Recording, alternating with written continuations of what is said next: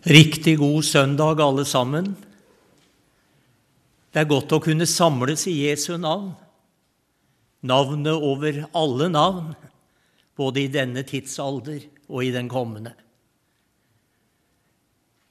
Jeg har hatt gleden av å ha vært her før, og jeg representerer bevegelsen Ordet og Israel. Og vi startet arbeidet her i Norge opp i 1978 Stiftelsesmøtet var i Misjonsaulaen i Oslo. Og vi har en søsterbevegelse i Danmark som heter akkurat det samme. Det vi ønsker å understreke i arbeidet, det er Israels plass i frelseshistorien, men også Israels behov av frelse. Og det skjer mye med dette lille folket som ligger midt på kloden vår. De har vært spredt for alle vinder over hele verden. Men i vår tid så samler Gud dem tilbake til landet som han ga dem. Og det har Gud holdt på med nå, spesielt i 74 år. For i mai i år så er det 74 år siden gjenopprettelsen av staten Israel. Og det skjedde i Tel Aviv da ble uavhengighetserklæringen til dette folket lest opp. Og Tel Aviv, det betyr vårhaugen. Det var akkurat som det var vår i lufta, som bebuder at etter våren så kommer sommeren. Og med sommeren kommer Guds rike fullt ut her på jord. Og kongen i det riket, som allerede har vært her, han kommer tilbake. Det er et mektig tegn i tiden at Guds ord som vi har her mellom permene, det går i oppfyllelse like for våre øyne. Gjennom dette folket har vi fått frelsen. Frelseren, han er jøde. Mange jøder de sa i mange år når de omtalte Jesus, de kalte ham Jesu. Og Jesu, det var en nedsettende betegnelse. Men i dag så sier man sjelden det ordet i Israel. Man sier Jeshua, som er hans egentlige navn. Og på universitetene i Israel så sier de nå fast Jeshua. Og Det er fordi det er blitt mange messianske troende i Israel som bekjenner det som du og jeg bekjenner. Jesus, han er Messias. Han er den levende Guds sønn. Det er en eh, Eh, voksende bevegelse. Eh, tidlig på 1960-tallet var det én messiansk menighet i Israel. Nå er det 300 slike menigheter. Tidlig på 1960-tallet var det bare en håndfull med Messias-troende. I dag regner man med ca. 30 000. Det bebuder at det skal komme enda større ting i dette folket som ligger midt på kloden. Det var der frelseshistorien skjedde, venner. Det var dit Jesus kom. Det var der han døde for deg. Det var der han oppsto for deg. Det var der han for opp til himmelen. Og dit skal han komme tilbake en dag. Vi ønsker å støtte ikke minst disse messianske menighetene. Vi støtter barmhjertighetsarbeid gjennom Ariel Frøytland han har arbeidet blant jøder i mange og 30 år nå. Og han eh, arbeider ut ifra dette prinsippet hjelp til selvhjelp. Han har tatt hånd om mange fattige etiopiske jøder. Det er mange utfordringer. Det er mange under fattigdomsgrensen i Israel i dag. Mange trenger hjelp. Han står i dette arbeidet, Ariel Frøytland. Og så trenger jødene en hel bibel. De trenger ikke bare Det gamle testamentet, de trenger også det nye.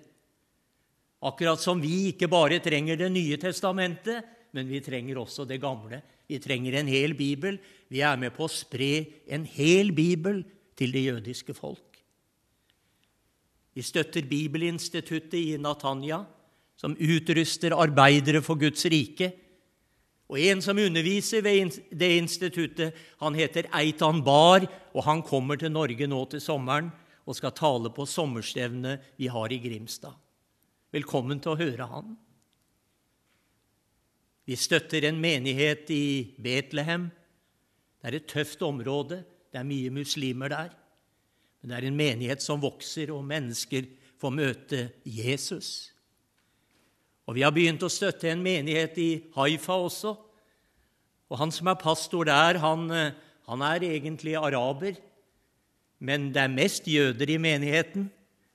Og han kan snakke norsk, for han er gift med en norsk kvinne, og han heter Samuel Aveida.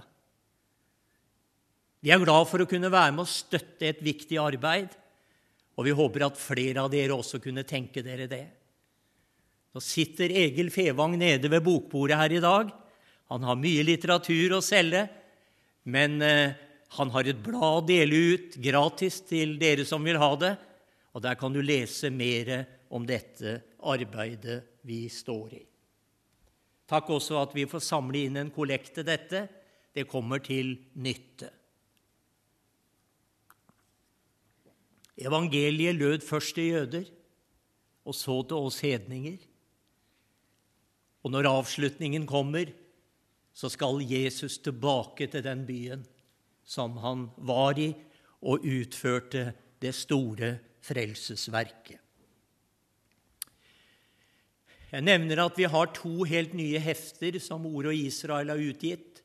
Snakk med Egil om det der nede. Det er mye interessant litteratur. Ønsker du deg å fordype deg litt mer, så har vi litt mer stoff også. Ei bok der på mange sider som du kan fordype deg i Guds ord. Først og fremst for å bli bedre kjent med Jesus. Han er hovedpersonen. Det jeg skal dele med dere i formiddag, det har jeg kalt Israel. Dem tilhører fedrene. Og Da skal vi lese fem vers fra Romerbrevet. Vi skal slå opp der i det niende kapittel i Romerbrevet og lese de fem første vers. Jeg sier sannhet i Kristus. Jeg lyver ikke, min samvittighet vitner med meg i Den hellige ånd. At jeg har en stor sorg og en stadig nød i mitt hjerte, for jeg skulle ønske at jeg selv var forbannet bort fra Kristus, for mine brødres skyld, mine slektninger etter kjødet. De er jo israelitter, dem tilhører barnekåret og herligheten og paktene og lovgivningen og gudstjenesten og løftene. Dem tilhører fedrene, og fra dem er Kristus kommet etter kjødet, Han som er Gud over alle ting, velsignet i evighet. Amen.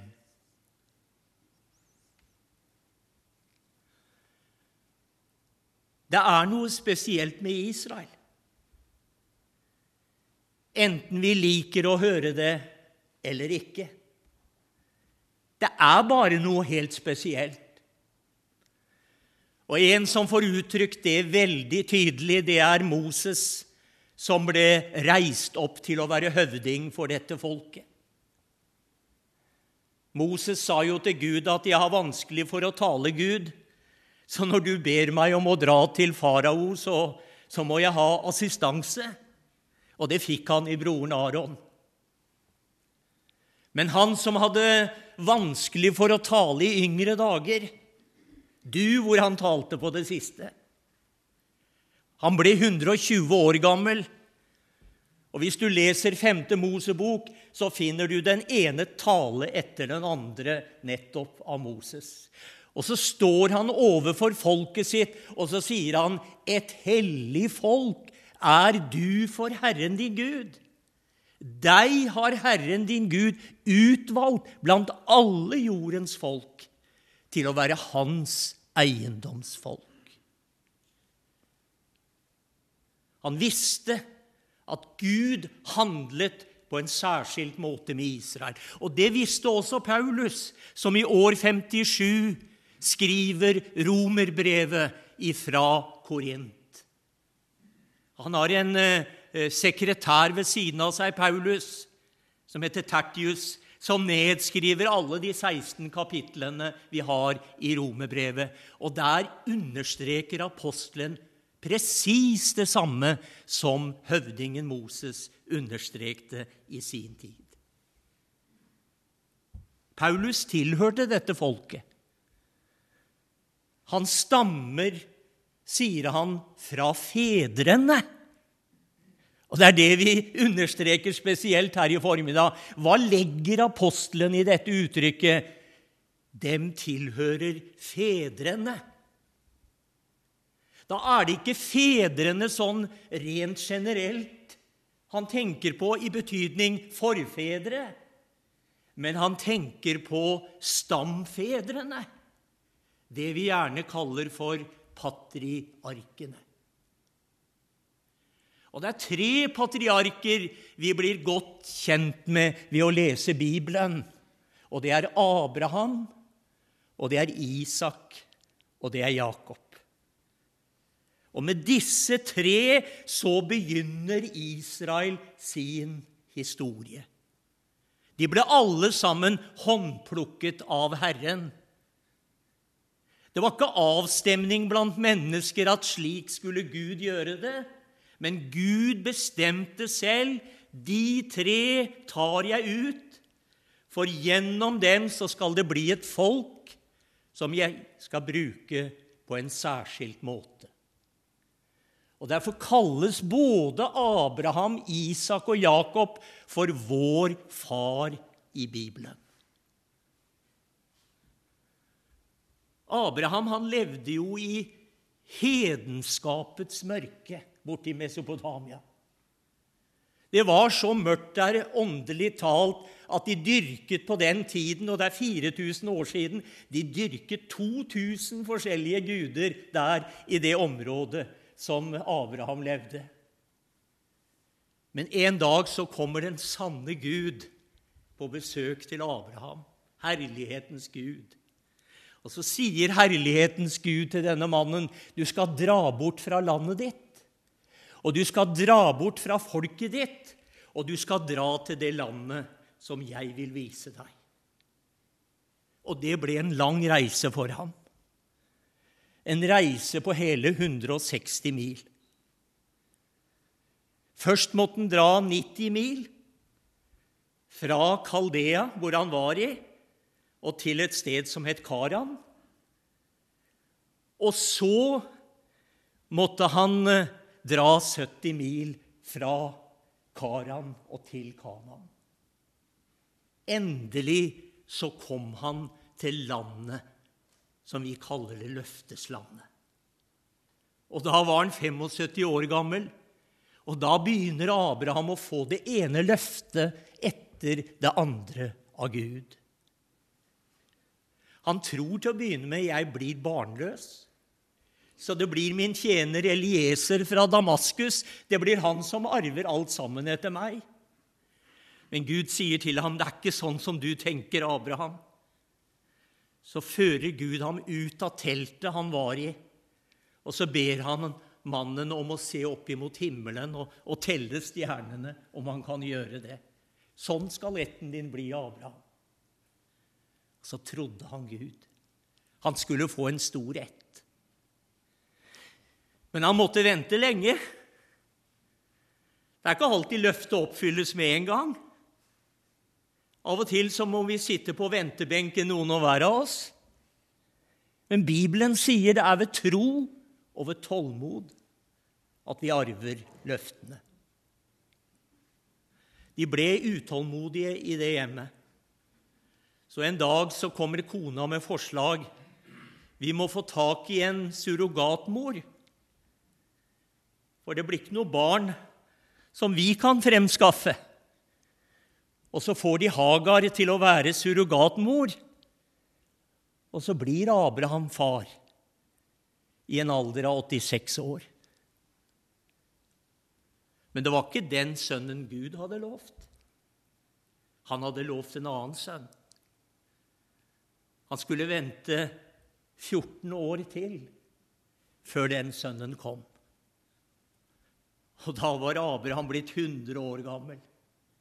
Men når han får løftesønnen Isak, så tror jeg gamle Abraham var helt i hundre, altså. Ikke bare 100 år gammel, men han var helt i hundre. Og jeg tror kona frydet seg også, for Sara sier 'jeg må le', og derfor kaller de sønnen for latter. Det var en befriende latter å bli foreldre i en høy alderdom. Men dette var etter Guds plan. I Isak skal det nevnes deg en ett. Gud sa ikke 'i Ismail skal det nevnes deg en ett'. Nei, han sa 'i Isak skal det nevnes deg en ett'.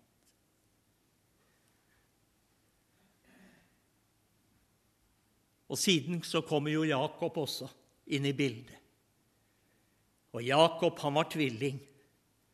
Han hadde en bror som var litt eldre, som kom før ut av mors liv enn han. Han het Esau. Og på den tiden så var det vanlig skikk at eh, alltid den førstefødte hadde forrang. Men Gud hadde ikke utvalgt Esau. Han hadde utvalgt Jakob. Derfor står disse underlige ordene i Bibelen. Esau hatet jeg, men Jakob elsket jeg. Jeg møtte en mann for en del år tilbake som sa til meg når det står i Bibelen, så ville i hvert fall ikke jeg tro på Gud.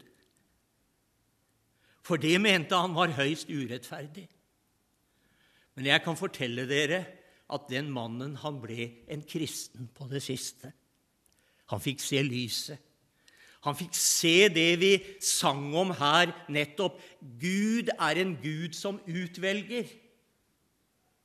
Han spør ikke oss til råds, han gjør det han selv vil. Men når han utvelger noen, så glemmer han ikke de andre som han ikke utvelger. Han foretrekker noen fremfor andre uten å glemme de andre. Det er utvelgelsesprinsippet som vi møter i Bibelen. Så når det står om å hate og elske, at han hater eh, Eh, Esau og elsker Jakob, så betyr det egentlig bare at han foretrekker den ene fremfor den andre. Vi må lære å ikke lese Bibelen med norske briller, men vi må lære å lese den med åpenbaringens briller, slik at Guds hellige ånd kan kaste lys over ordet og forklare det for oss. Disse tre danner roten og førstegrøden i Israel, sier Paulus nettopp i romerbrevet. Er førstegrøden hellig, da er deigen det også. Er roten hellig, da er greinene det også. Og det å være hellig, og disse tre Guds menn, de var virkelig hellige. Og ordet 'hellig' i Bibelen det betyr ganske enkelt å være satt til side for Gud. Gud ville bruke dem, derfor satte han dem til side. Dette er Paulus inne på når han er på misjonsreise. Den første reisen han foretar, da drar han ut fra Antiokia i Syria. Og så kommer han til Antiokia i Pisidia. Og så kommer han inn på sabbatsgudstjenesten der, og så tar han ordet, for det var mulighet til det. Og så sier han, 'Israels Gud'. Han utvalgte våre fedre, sier han. Han håndplukket dem. Han tok dem ut. Og disse tre som var hellige og utvalgt av Gud, de trodde også på Gud. Derfor behaget de Gud. Skal du behage Gud her i formiddag, så er det helt avgjørende at du tror på ham.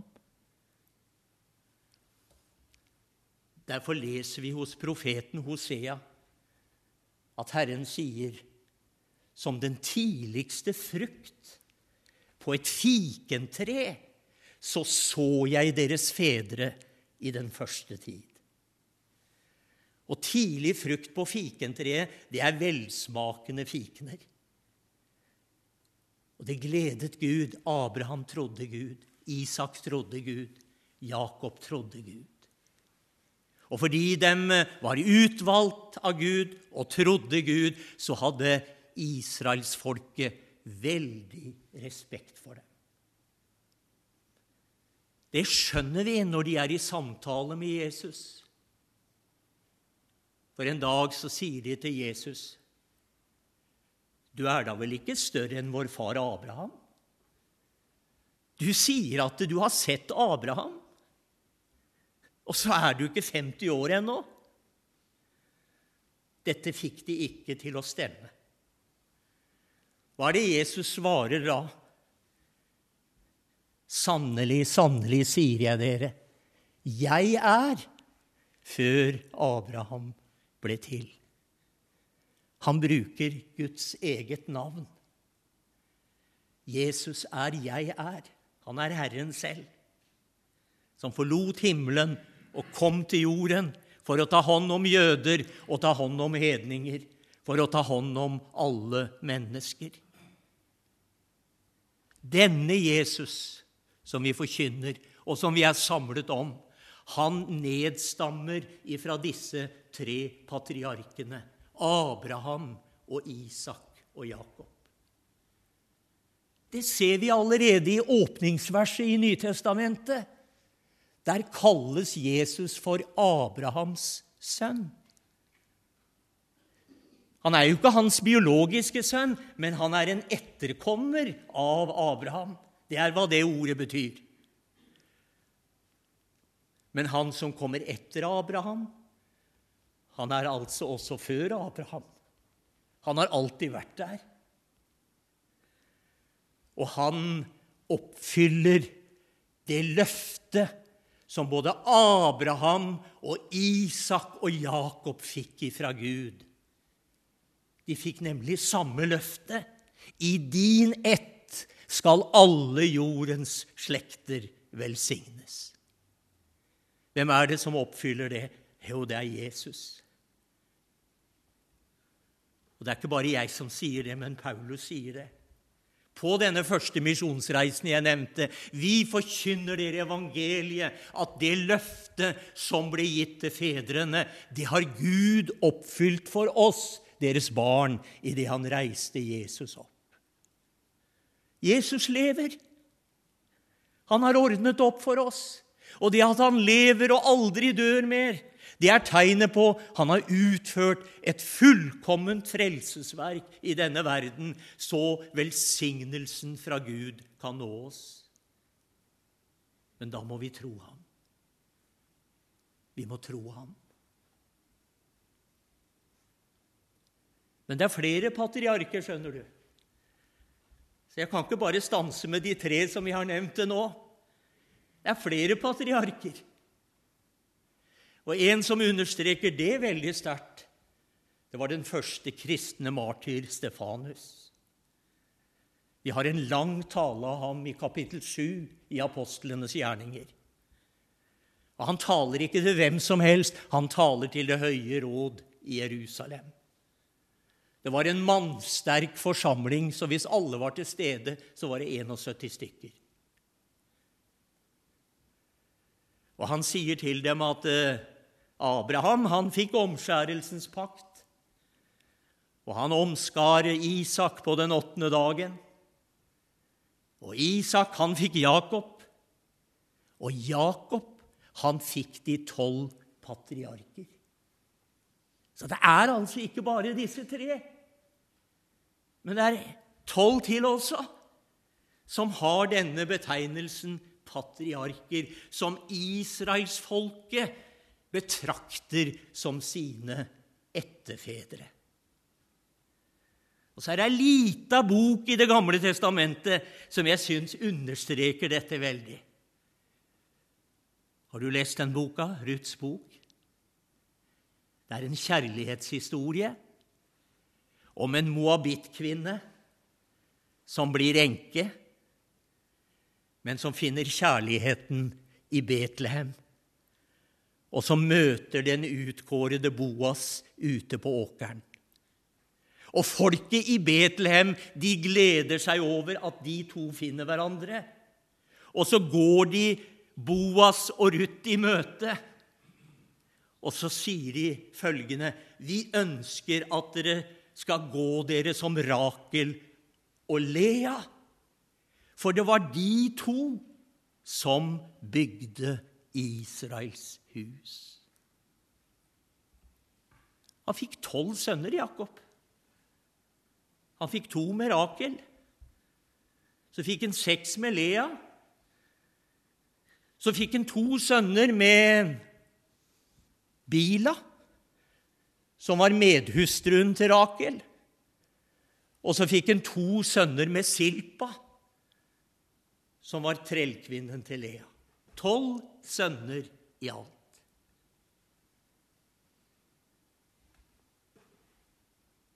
Men Jakob han var selv den første som får navnet Israel. Og du husker vel hvordan han fikk det navnet? Det fikk han etter nærkamp med Herren. Det var en langvarig kamp i løpet av ei natt ved Jabboks vadested. Har du vært i nærkamp med Herren noen gang? Jeg har vært det mange ganger. Jeg skal betro dere en ting her jeg står. Den jeg har hatt mest problemer med i livet, det er meg selv. Det er mitt eget ego. Det er det Herren har mest arbeid med å overvinne egoet vårt, slik at Han får sin vei med oss. Tenk, det skjedde på underlig vis i den nattlige kampen. Herren rørte ved hofteskåla hans, så den gikk ut av ledd. Og da roper han ut til Gud, 'Jeg slipper deg ikke uten at du velsigner meg'. Han hadde holdt i noe før, han Jakob. Han hadde holdt i brorens hæl da han så dagens lys første gang. Han var litt av en luring, han Jakob, enda han var utvalgt av Gud. Så vil jeg påstå han var litt av en luring. Han ville dra broren sin tilbake for selv å komme fram her i livet.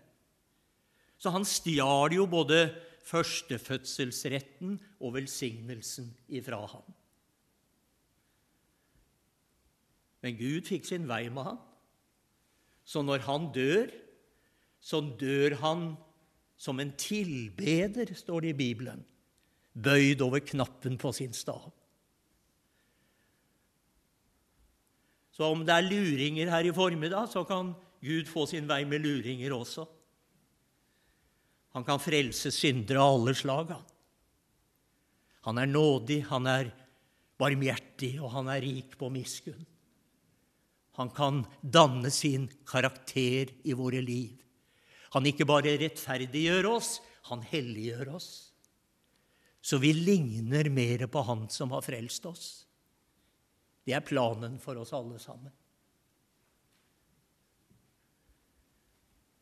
Så han Jakob han ble velsignet. Han Han fikk navnet Israel. Det er egentlig en hedersbetegnelse. Så To ganger i romerbrevet så brukes dette uttrykket 'Jeg er jo en israelitt'. De er jo israelitter.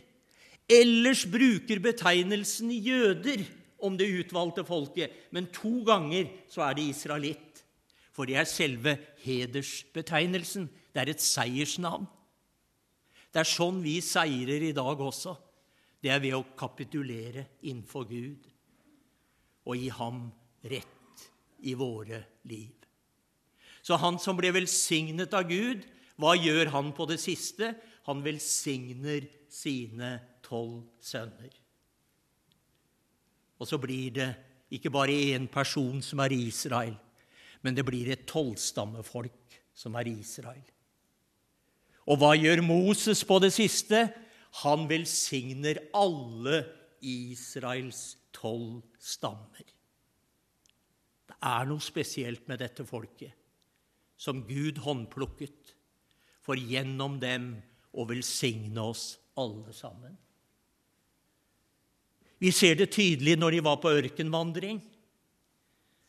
Da slo de stadig leir. Og når de slo leir, så skulle de gjøre det på en spesiell måte. Tabernakelet, helligdommen, skulle alltid stå i sentrum av leiren, og stammene skulle leire seg i alle fire himmelretninger, tre i hver himmelretning. Så hvis du så Israels leir ovenifra, hva så du da? Du så et kors. Korset møter vi allerede i Det gamle testamentet. Hvis du så gjenstandene i Israels tabernakel, så formet dem også et kors. Det har jeg skrevet om i et hefte du kan få kjøpt der nede. Men sånn var det også med Israels leir. Du så korset. Det er gjennom Israel at vi har fått korsets velsignelse. Så forsoningen kan nå oss mennesker. Og den når oss spesielt gjennom én av stammene i Israel. Og det var den stammen som alltid skulle leire seg mot øst under sitt banner, og det var Judas stamme. Det profeteres om dette i Første Mosebok 49. Kongespir skal ikke vike fra Jakob, eller herskerstav fra hans føtter før fredsfyrsten kommer og folkene blir ham lydige. Det er en Messias-profeti om at vår frelser, han er jøde, og han kommer spesielt fra den stammen. Var ikke det han sa også, da? Du husker vel samtalen han hadde med den samaritanske kvinnen? Midt på dagen, hva sa Jesus da når hun kom skjelvende? Hun vågde ikke å komme når de andre kvinnene kom, så hun kom midt på dagen. Så sier Jesus til henne, 'Frelsen kommer fra jødene'. Han sa ikke fra Israel, han sa fra jødene. Og jødene ble opprinnelig brukt om Judas stamme. Etter hvert ble det brukt om hele folket. Ser du hvor presis Bibelen er? Ser du hvor detaljert den er i alle ting? Det forteller meg boka er guddommelig inspirert. Den er troverdig. Og han er av Judas stamme. Når Johannes ser inn i himmelen, så hører han Du trenger ikke å gråte, Johannes. Det er en som har seiret. Det er løven av Juda stamme. Så han kommer ifra denne stammen.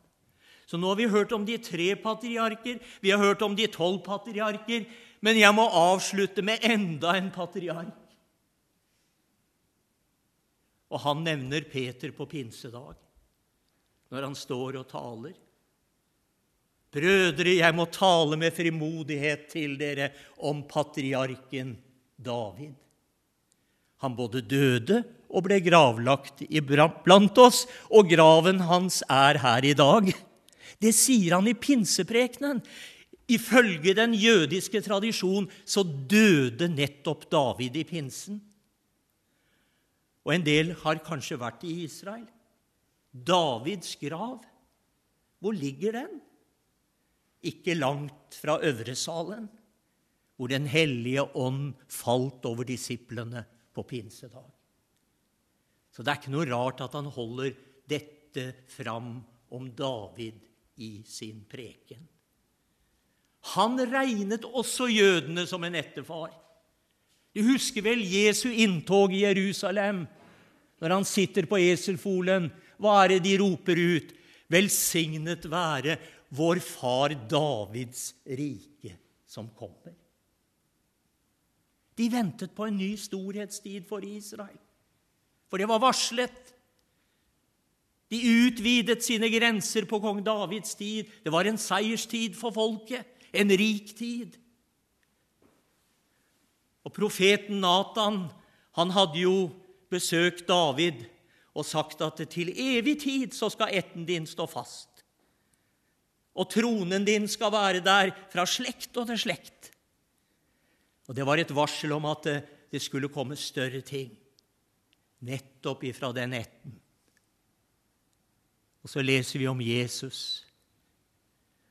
Han er ikke bare Abrahams sønn, ifølge åpningsverset i Nytestamentet. Han er Davids sønn.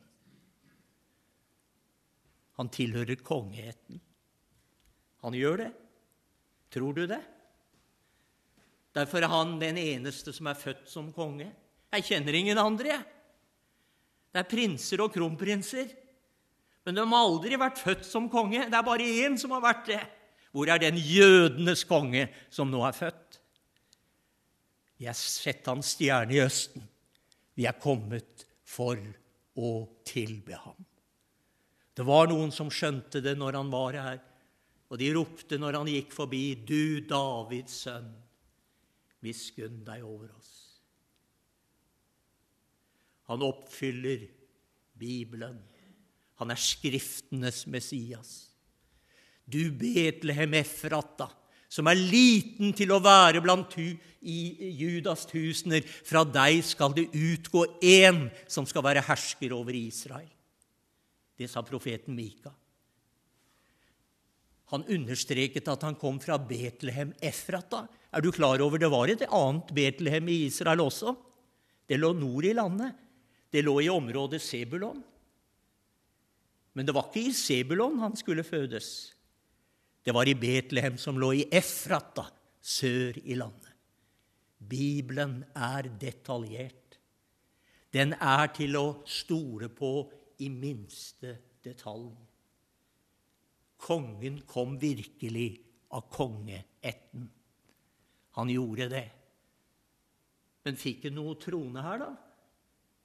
Det er vanlig at en konge får krone. Og trone. Men han ble korsfestet, og han ble tornekronet.